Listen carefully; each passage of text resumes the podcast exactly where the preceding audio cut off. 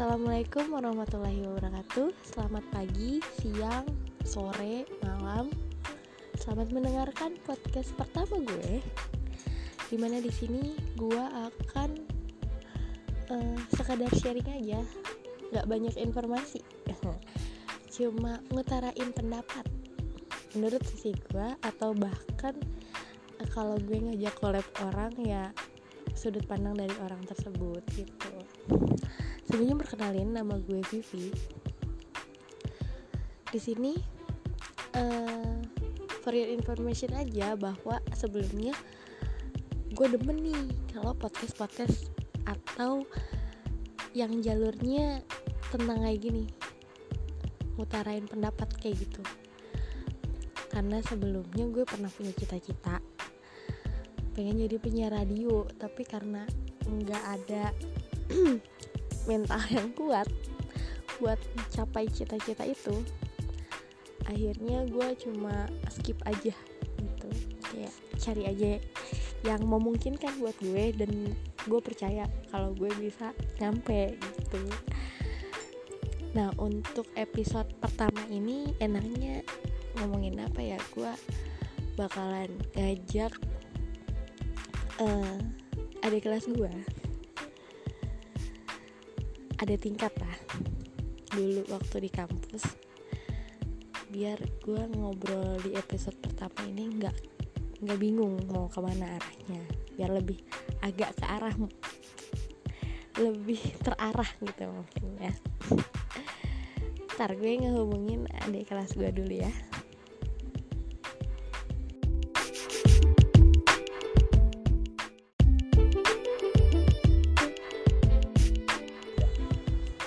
Assalamualaikum warahmatullahi wabarakatuh. Ini uh, gue atau aku ya pantasnya? Uh, aku aja kali ya. Terus sih mau aku, aku kan ini kan malam minggu jadi aku aja. Apa banget? Ya ini uh, kenalin aku Vivi. Iya. Oh, Lagi iya, mau kolaps ya. untuk episode pertama bersama Dede yang tidak mengemaskan. Coba kenalin diri dulu. Dede Dede Dede yang tidak mengemaskan. Ini namanya uh, Muhammad Rama Maulana Al Cakra atas Soekarno Winata panjang ya bu. Eh pak. Iya. Panggil aja Rama. Oh. lalu? Lalu kita enaknya ngebahas apa nih Ram?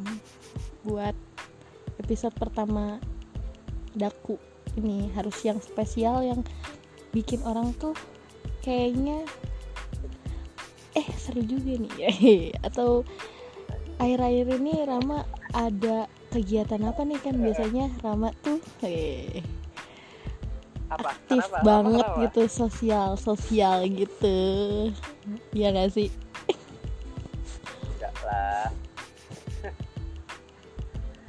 tapi ini uh, Rama itu sekarang lagi uh, mau mencoba untuk aktif lagi di kegiatan sosial setelah kurang lebih enam bulan vakum. Hmm. Enam bulan lama ya. Itu, ya karena uh, ada urusan lain selain sosial ya. Hmm, Oke. Okay. Jadi uh, tapi sekarang ketemu nih sama temen-temen baru nih teman-teman sebenarnya teman-temannya nggak baru tapi dengan ide-ide baru uh, dan kita satu pemikiran.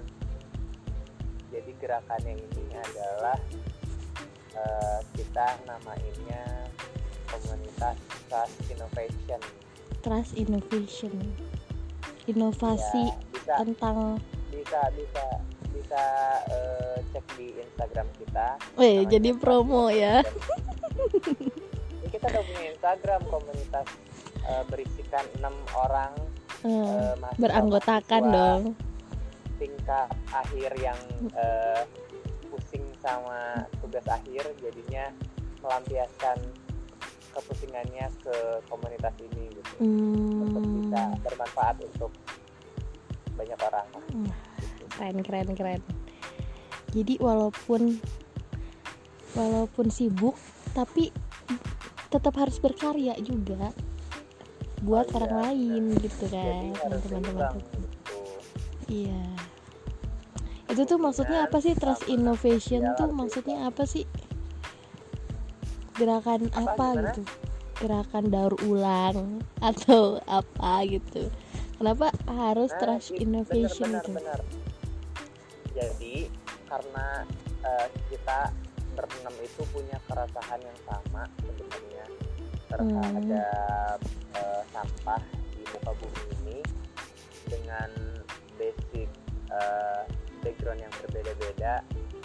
Ada yang dari Cikampek ada yang dari Karawang terus ada yang pekerja sambil kuliah dan lain sebagainya.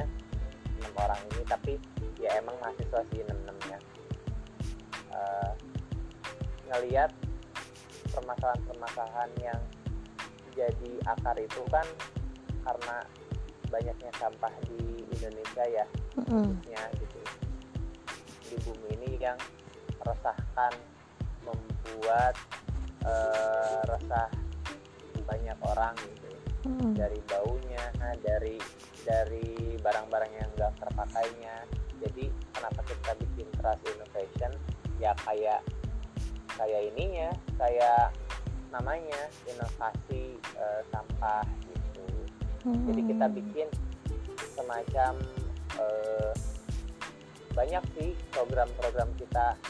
Yang pertama besok sebenarnya kita itu memperingati eh, Earth eh, 2020 Save Our Earth itu 2020 Hari Bumi Sedunia.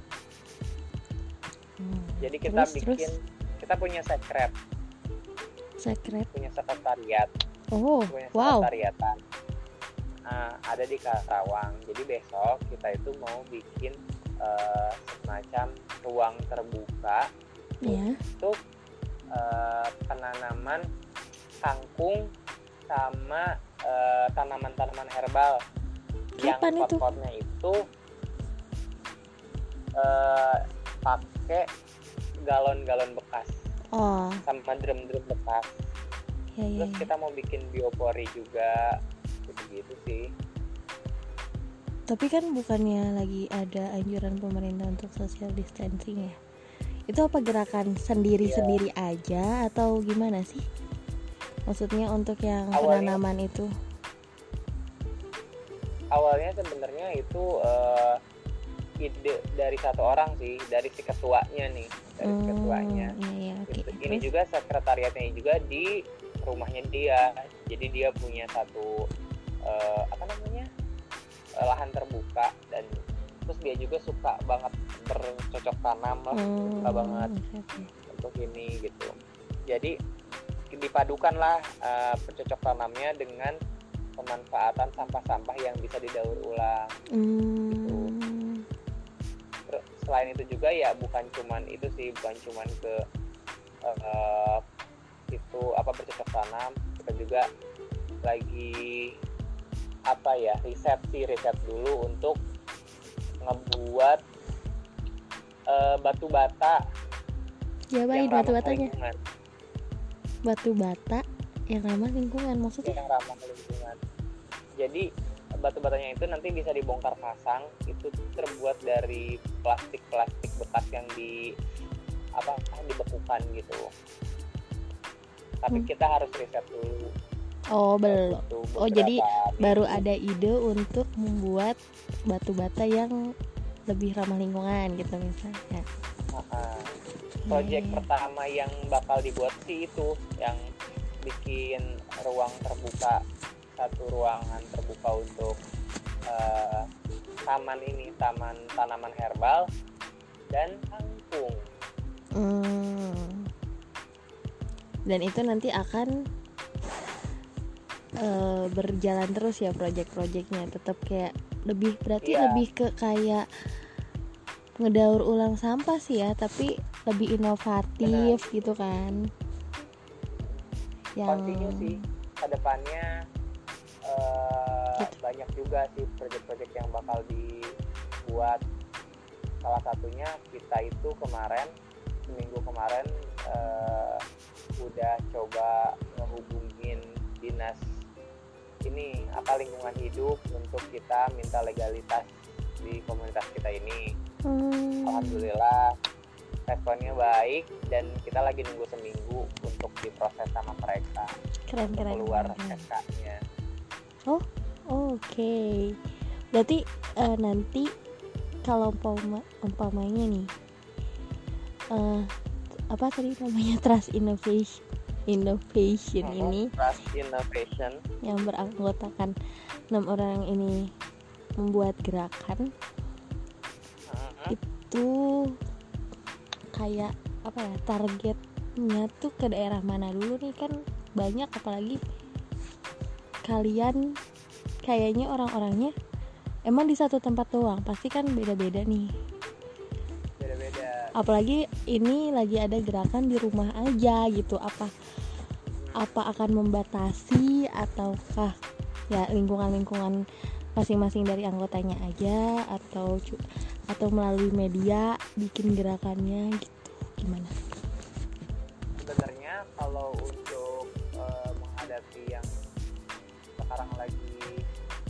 digalakan ya yang COVID-19 ini yang uh, social distancing kita hmm. lebih ke sosial media sih sebenarnya gerakannya apalagi kan baru tanggal 28 ini itu hari bumi sedunia yang kita bikin gerakan hashtag uh, ini aksiku itu gerakan yang banyak di uh, lakukan sama semua orang sekarang untuk kita mengistirahatkan bumi. Dulu dalam sejenak satu jam kita matiin listrik alat-alat elektronik yang gitu-gitulah ya mm -hmm. yang bisa uh, apa adain pemanasan global kita matiin dulu selama satu jam. Nah itu tadi udah dilaksanain tuh dari jam 20.30 sampai jam 21.30 sampai satu jam. Dan alhamdulillah pada jadi kita bikin hashtag gitu terus mereka pada bikin uh, video pada bikin uh, story yang kayak gitu. Ngeliatin kalau mereka itu matiin lampu matiin alat elektronik yang gitu-gitu sih. Lebih ke gerakan-gerakan sosial media. Sekarang itu sebenarnya sama. Di rumah masing-masing kita emang udah bikin apa tanaman-tanaman sendiri sih nanam tanaman-tanaman sendiri. Yang akhirnya nanti besok nih kegiatannya yang tetap dengan apa ya dengan dengan adanya covid ini tetap kita jaga kita bawa tumbler bawa hand sanitizer sendiri pakai masker yang kayak gitu gitu yang penting temen-temennya yang enam orang ini lagi keadaan sehat. Tuh emang kalau lagi kayak gini tuh emang harus banyak jaga kesehatan. Tapi jangan terlalu panik juga sih sebenarnya. Banyak orang iya, yang terlalu jadi beban banget kayak kayak bawaannya tuh kiamat banget gitu. Kan jadi serem oh, juga ya. minggu kemarin dua minggu kemarin juga aku panik sih gara-gara ini. Covid apalagi kalau udah pilek dikit ya Allah rasanya tuh kayak gimana gitu. Tapi kalau aku baca ya ada ilmunya nih soal kenapa kita bisa panik dan uh, lebih ke ilmu ini sih kesehatan mental.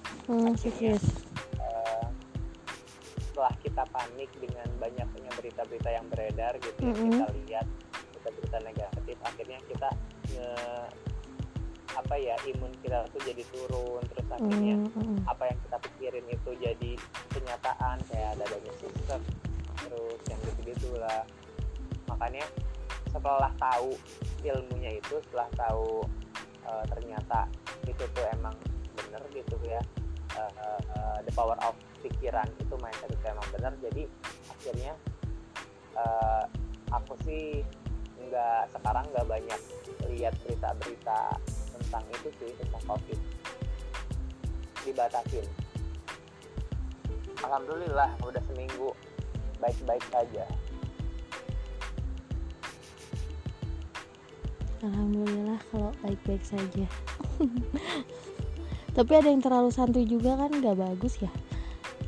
Banyak Iya. loh ternyata yang santuy itu kayak ya udah sih gitu aja lebay gitu ya Allah nggak bisa Eh. dipikiri lagi itu pasti ada ini apalagi kalau ada orang yang ngomong eh, jangan takut sama corona takutnya takutnya sama Allah Subhanahu Wa Taala wah itu zalim banget sih zalim banget kalau kata Rama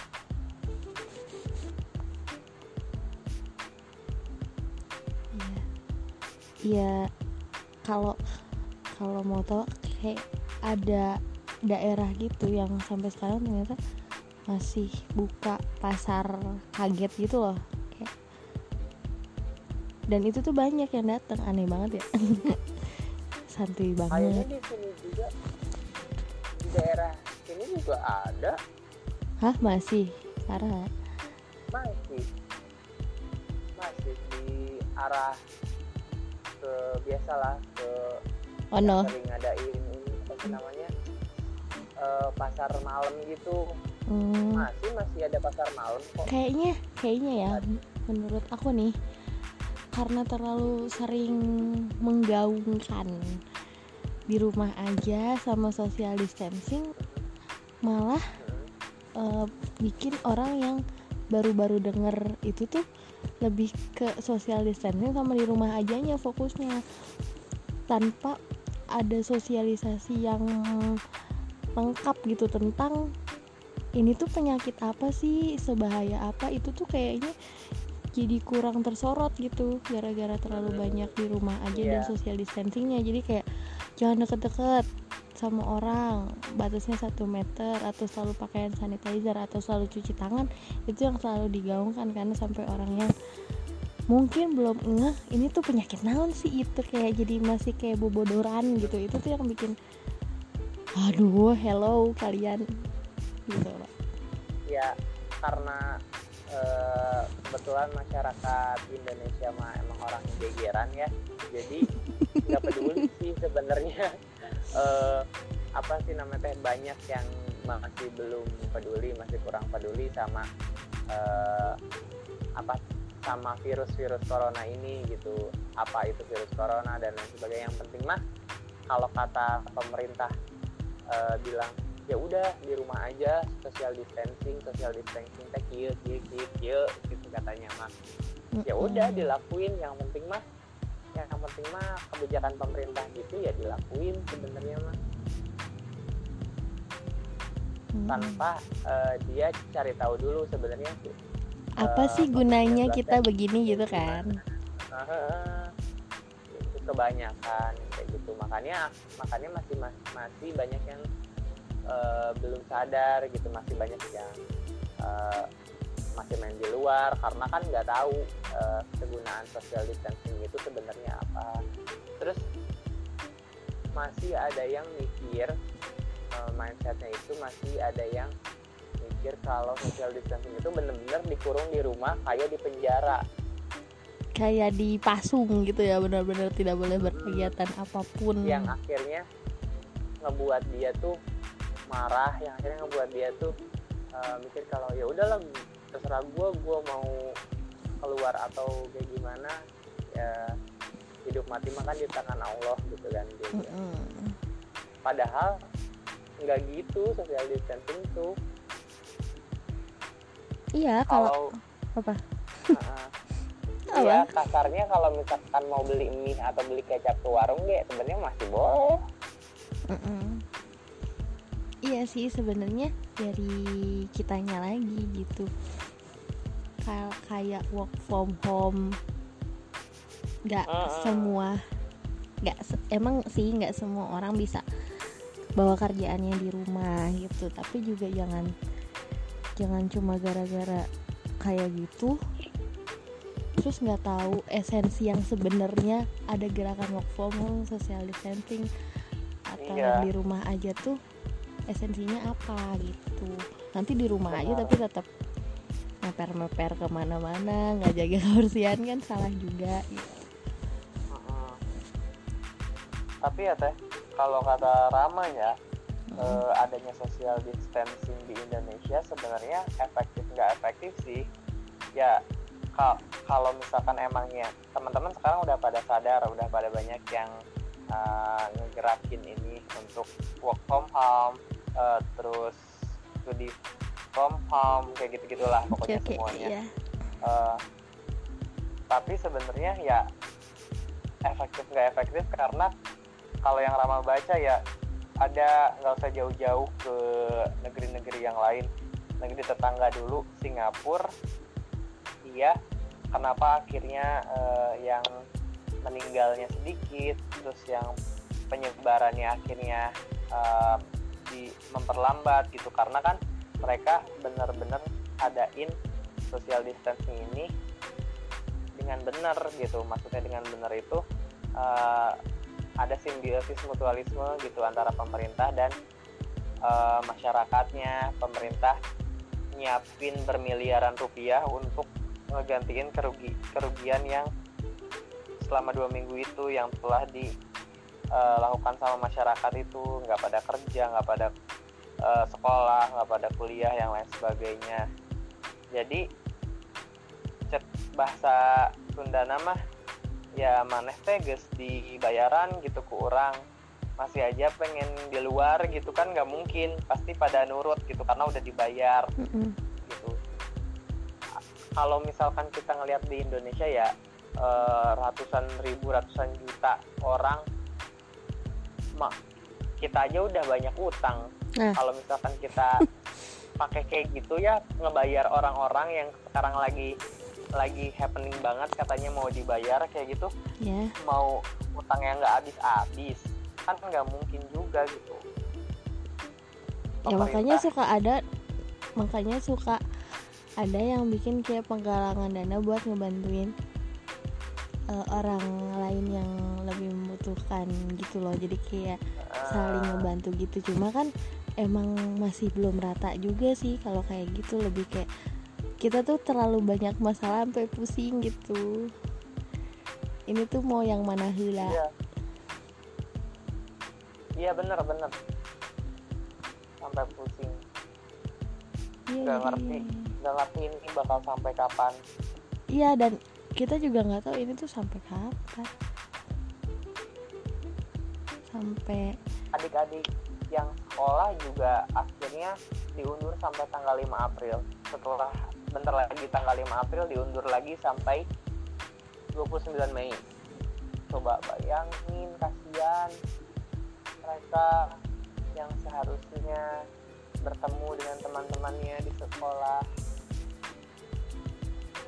Terus yang seharusnya UN jadi akhirnya nggak ada UN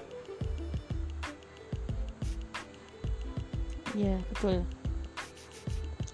Mall-mall pada tutup guys iya ya berapa hari tuh pasar-pasar kayak gitu Iya. Ya kalau kayak pasar dan mall kayak gitu percobaan dua minggu. Semua minggu? deh sampai kalau yang dekat-dekat tadi baca kan seminggu nih, ada yang sampai dua minggu. Itu itu yang dua minggu tuh elektronik tadi aku lihat mall elektronik. Ya kalau umpamanya kayak apa kayak retail supermarket minimarket kayak gitu belum cuma kayak batas bukanya aja dikurangin Hmm, iya iya. Katanya emang Karawang udah zona merah ya. iya cuma Kalau tadi terakhir lihat sih beritanya yang positif tujuh orang yang dari dan belum ada yang sembuh. Hmm. belum ada yang sembuh Oh my God. Ya lagi di obatin lah kayaknya. tapi sebenarnya aku punya kayak prasangka sendiri kalau kayaknya aku juga kena dikit deh gitu kayak nggak mungkin aja gitu nggak kena gitu apalagi Oh, masih bolak balik keluar gitu. Tapi mungkin eh, kadarnya kecil gitu. Entah Mm-mm. entah. Jadi kayak kayaknya kita semua tuh kebanyakan udah ada yang kena cuma ada yang kadarnya banyak dan ya udah dah gue harus periksa gitu. Dan ternyata positif ada yang eh, kayaknya ini baru dikit gitu ngerti gak sih? Kayak soalnya aneh aja gitu sama sama juga persyaratan buat kita ikut tes. Iya iya benar benar. Persyaratannya tuh kan aneh demam bla bla bla bla bla bla gejalanya. Dan yang terakhir itu yang paling aku garis bawahi adalah pernah bersinggungan langsung dengan orang yang positif Iya. kan katanya. Emang itu sih masuk akal kedua pernah lihat nggak sih kalau umpamanya penyebarannya itu bisa lewat kayak gagang pintu? Kayak pegangan-pegangan iya. kayak gitu kan. Nah kan kita nggak tahu itu bekas dipegang siapa. Sebelum itu ada yang positif kita juga nggak tahu kan. Maksudnya kayaknya benar. apalagi kalau tesnya tuh harus bayar. Kan Mm-mm. berarti bisa aja kalau yang positif tuh lebih dari seribu berapa tuh terakhir? Seribu berapa yang gitu? yang positif iya seribu seribuan gitu. Seribuan gitu kayaknya lebih deh cuma nggak dites kayaknya. Jadi kayak iya minum tolak karena- angin aja lah gitu. Karena akhirnya yang ketahuan eh, positif itu orang-orang yang emang dites kan.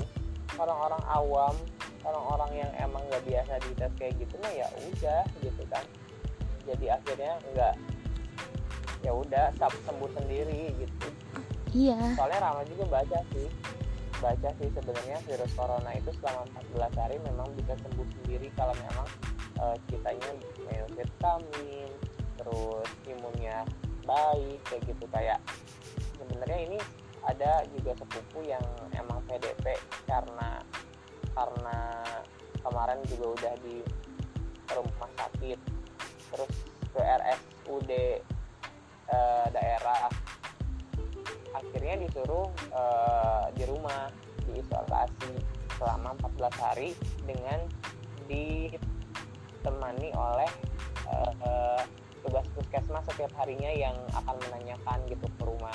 Kalau misalkan membaik ya alhamdulillah nggak jadi tesnya oh. selama 14 hari ini kalau misalkan kalau Oh, tapi gitu. kalau misalkan memburuk nanti akan ada ambulan datang ke rumah untuk bawa dia ke RSUP gitu. Oh jadi sakit tahapannya tuh tahapannya nggak langsung eh, dok saya ada gejala-gejala bla bla bla bla bla terus dites terus positif enggak ada, enggak gitu. Oh jadi Kayak gitu. tahapannya jadi tahap tahapannya yang pertama itu kita ke dokter. gitu entah itu ke puskesmas entah itu ke klinik entah itu ke rumah sakit. Nah, nanti sama dokter itu ditanyain apakah gejala-gejalanya seperti ini seperti ini seperti ini. Terus ya bener kayak tadi persyaratannya apakah pernah bersinggungan langsung apakah pernah keluar negeri atau kayak gimana. Nah setelah itu nanti sama si dokternya itu dicek ah, ini wajib enggak nih untuk dites? Nah setelah itu nanti disuruh ke eh, di rumah dulu selama diisolasi dulu selama 14 hari. Karena kan eh, yang yang akan dimasukin ke RSUP itu ke rumah sakit rumah sakit rujukan itu memang pengennya itu yang bener-bener eh, berat gitu. Oh, jadi nggak sembarangan orang yang masuk. Akhirnya selama 14 hari diisolasi dengan ditemani oleh petugas-petugas puskesmas di daerahnya masing-masing Mm-mm. nanti bisa via WhatsApp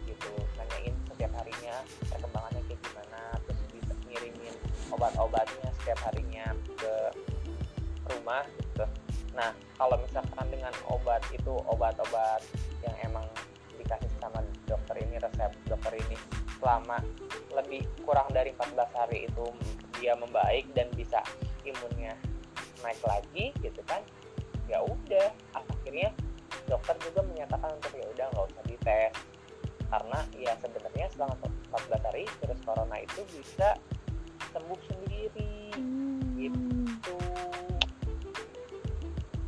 memburuk baru datang ambulan. Oh jadi tuh jadi eh kayaknya simpulannya tuh kayak kalau umpamanya sakit tuh udah akut udah stadium berapa baru dinyatakan positif gitu. Kalau masih kayak gejala-gejala itu tuh nggak dimasukkan data positif gitu. Masih cuma dalam pemantauan aja gitu. Nih. Karena meskipun kita positif coronavirus tapi tidak ada gejala atau hanya sakit ringan, demam, batuk dan masih bisa beraktivitas, kita tidak perlu obat dan tidak perlu dirawat karena bisa sembuh sendiri. Kita hanya perlu karantina diri sendiri di rumah supaya tidak menularkan ke orang lain. Banyak makan makanan bergizi, makanan vitamin untuk menjaga daya tahan tubuh. Pada orang seperti ini, coronavirus akan hilang dengan sendirinya setelah 14 hari. Makanya karantina diri minimal 14 hari. Itu yang lagi digaungin sebelum ada tes rapid itu, tes Mm-mm. coronavirus itu. Oke oke, berarti yang Nah, data yang- seribu itu benar-benar yang berat, tapi bukannya katanya dari data yang seribu positif itu ada juga yang nggak bergejala gitu. Ada yang Iya, dia kayak mem- mendeklarasikan, mendeskripsikan diri kalau nggak kenapa-napa gitu, nggak ada yang dirasa. nah itu dia. Kan di Indonesia itu kan orangnya eh berserat serata ya teh. Bertingkatan ya. Teman-teman yang emang tidak bergejala tapi bisa tes eh, coronavirus itu kan adalah teman-teman yang seratanya di atas yang pertama Mm-mm, artis oke. yang kedua pejabat yang ketiga orang-orang kaya yang keempat pengusaha orang-orang itu yang memang punya apa ya punya punya relasi kuasa untuk dia bisa tes gitu nah Hmm. kalau orang-orang awam kayak kita mah sebenarnya ya gimana mau gimana ngikutin alurnya tapi kan kalau mereka gitu Mm-mm. enggak mereka mereka pengen perawatan yang emang bener-bener luxury lah gitu Oke, kayak kayak emang sih kalau orang kaya mah kayaknya batuk aja ke Singapura gitu ya. ya iya benar Ya, biar biar pokoknya eh, yang terbaik lah gitu. Oke, oke, berarti sebenarnya memang kita tuh banyak, cuma ada yang bisa langsung sembuh sendiri atau harus penanganan yang sampai ekstra-ekstra gitu yang kelihatannya wow, serem banget ini penyakit gitu. Betul begitu. kalau di Karawang sendiri kan yang positif ada tujuh tuh Mm-mm. itu adalah yang lagi udah udah udah positif dan dirawat itu kan orang-orang yang itu eh, pe- para pejabat pejabat tinggi dan ajudan ajudan betul. Iya sih. sisanya PDP PDP PDP PDP itu kan perawatan dalam pantauan ya, ODP sebenarnya juga banyak loh. hasil tesnya Apa? apakah iya PDP itu sebenarnya eh, udah dirawat udah dalam perawatan Tapi karena dia sakit gitu sakit bawaan lah, sakit sebelumnya gejala- gitu. iya gejala-gejala nah tapi masih nungguin hasil tesnya kayak gitu sebenarnya atau enggak ya masih nungguin dia layak tes apa enggak Oke. Kalau ODP juga banyak loh ternyata. Kayak kalau DP ya orang-orang Demam. dalam pantauan demam dikit langsung masuk dalam pemantauan tuh apalagi kalau kayak Hmm, di apa instansi atau perusahaan kayak gitu. Kalau ada karyawan yang demam dikit langsung mengajukan ODP waduh. Jadi bikin panik kan sekitarnya. Kayak kemarin eh, di Fukurama itu ada di satu acara yang sama dengan eh, yang kena corona ini pejabat-pejabat yang kena corona. Oh iya terus? Akhirnya dia jadi ODP hmm, karena eh, terlibat dalam acara yang ada positif yang ada orang positif gitu ya. Tapi orangnya nggak Akhirnya sakit? dia ODP ODP kenapa? Tapi orangnya nggak sakit temenmu itu. Sakit. Batuk anaknya juga harus dinebu harus diuap. Cuman Hmm, alhamdulillah setelah dua minggu udah. Udah Hmm. sembuh sendiri. Jadi akhirnya udahlah mereka mereka pikir ya udahlah nggak usah dites gitu. semoga aja apa ini wabah cepat hilang cepat Iya. pulih lagi keadaannya soalnya benar-benar bikin segala aktivitas tuh terhambat gitu Iya bener bener banget apalagi sebentar lagi kan itu mau ramadan ya nah itu yang bikin sedihnya itu adalah orang-orang yang rantau gitu. Udah mah sendiri. Ah itu udah luar biasa sedihnya gitu. Nggak bisa pulang ya? Iya nggak bisa pulang. Sholat id juga kayaknya nggak akan ada. Sampai teman-teman aku juga sakit ya homesick sih gara-gara mereka pengen pulang keadaan Iya, kepikiran. betul betul di luar-luar pulau Jawa nih kebanyakan nih? Pada curhat. Curhat dong. Iya iya iya. Iya sih kerasa juga apa banyak banyak yang benar-benar kehambat gitu dari dari hobi-hobi kaum rebahan yang pada seneng. Di baliknya ada orang-orang yang ya Allah itu Tapi bisa akhirnya- kerja gitu. kaum kaum rebahan juga eh, apa namanya komen loh. Komen gimana? Ya mereka juga sebenarnya nggak mau rebahan mulu. dengan keadaan yang mencekam. Iya kalau rebahan tidak ada keadaan apa-apa santuy ya. Tapi kalau rebahan dipaksa Oh. rebahan malah nggak mau. Aneh dasar kamu rebahan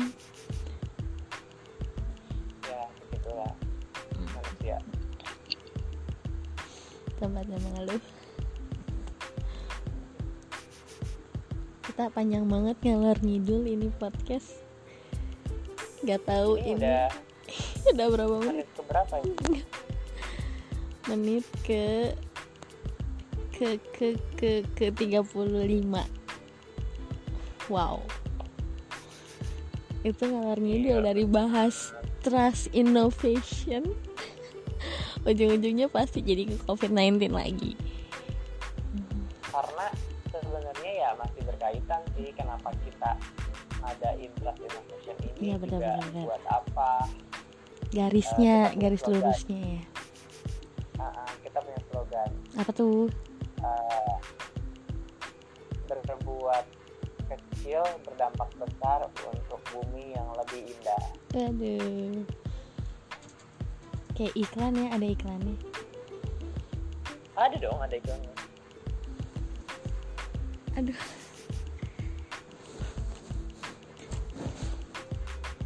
Ada yang mau dibahas lagi?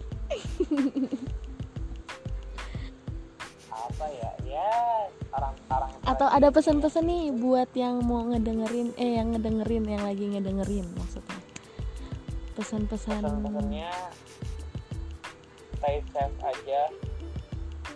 Stay healthy juga. Aduh jaga kesehatan. Cuci tangan. minum air mineral yang banyak. Minum vitamin. Betul.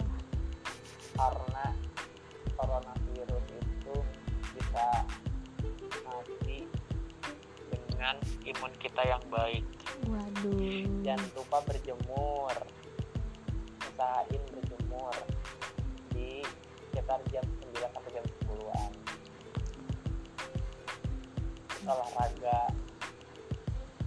Jadi akhirnya hidup sehat. Hidup sehat bareng-bareng. Hikmahnya itu hidup sehat. Hidup Jangan sehat dan istirahat yang cukup itu sih. Kayaknya Iya, esensi dari virus ini menyebar adalah beberapa atau sebagian masyarakat terlalu fokus sama kerjaan sampai lupa istirahat yang iya. Cukup iya benar. Oh iya semangat juga buat orang-orang yang belum bisa eh, di rumah aja. Eh, tenaga-tenaga medis teman-teman yang ada di eh, yang harus bekerja yang belum bisa di rumah aja itu mereka luar biasa. Terima kasih terima kasih. Salah satu orang yang tidak bisa di rumah aja. iya sama sih sama. Ini juga kerja juga nggak ini. Oh nggak libur. Tetap semangat. Dengan HP gue. Iya. Kayaknya tema episode pertama ini kita tutup ya. Closingnya gimana? Oke. closingnya gimana? Jeng jeng jeng jeng. Gak jelas banget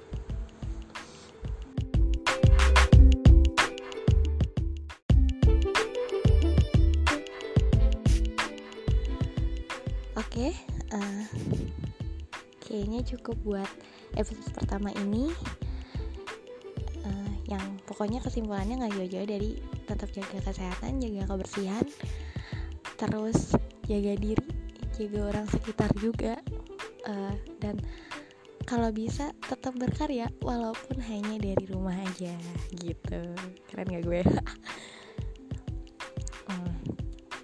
Semoga obrolan atau podcast gue kali ini bisa bermanfaat buat kalian yang ngedengerin mohon maaf kalau banyak kesalahan atau kesannya masih bercanda eng.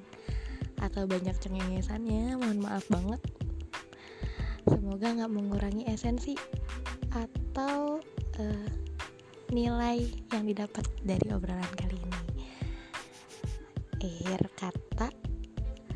wassalamualaikum warahmatullahi wabarakatuh. Semangat. Dan tetap tersenyum apa sih bye bye sampai bertemu episode selanjutnya. Insya Allah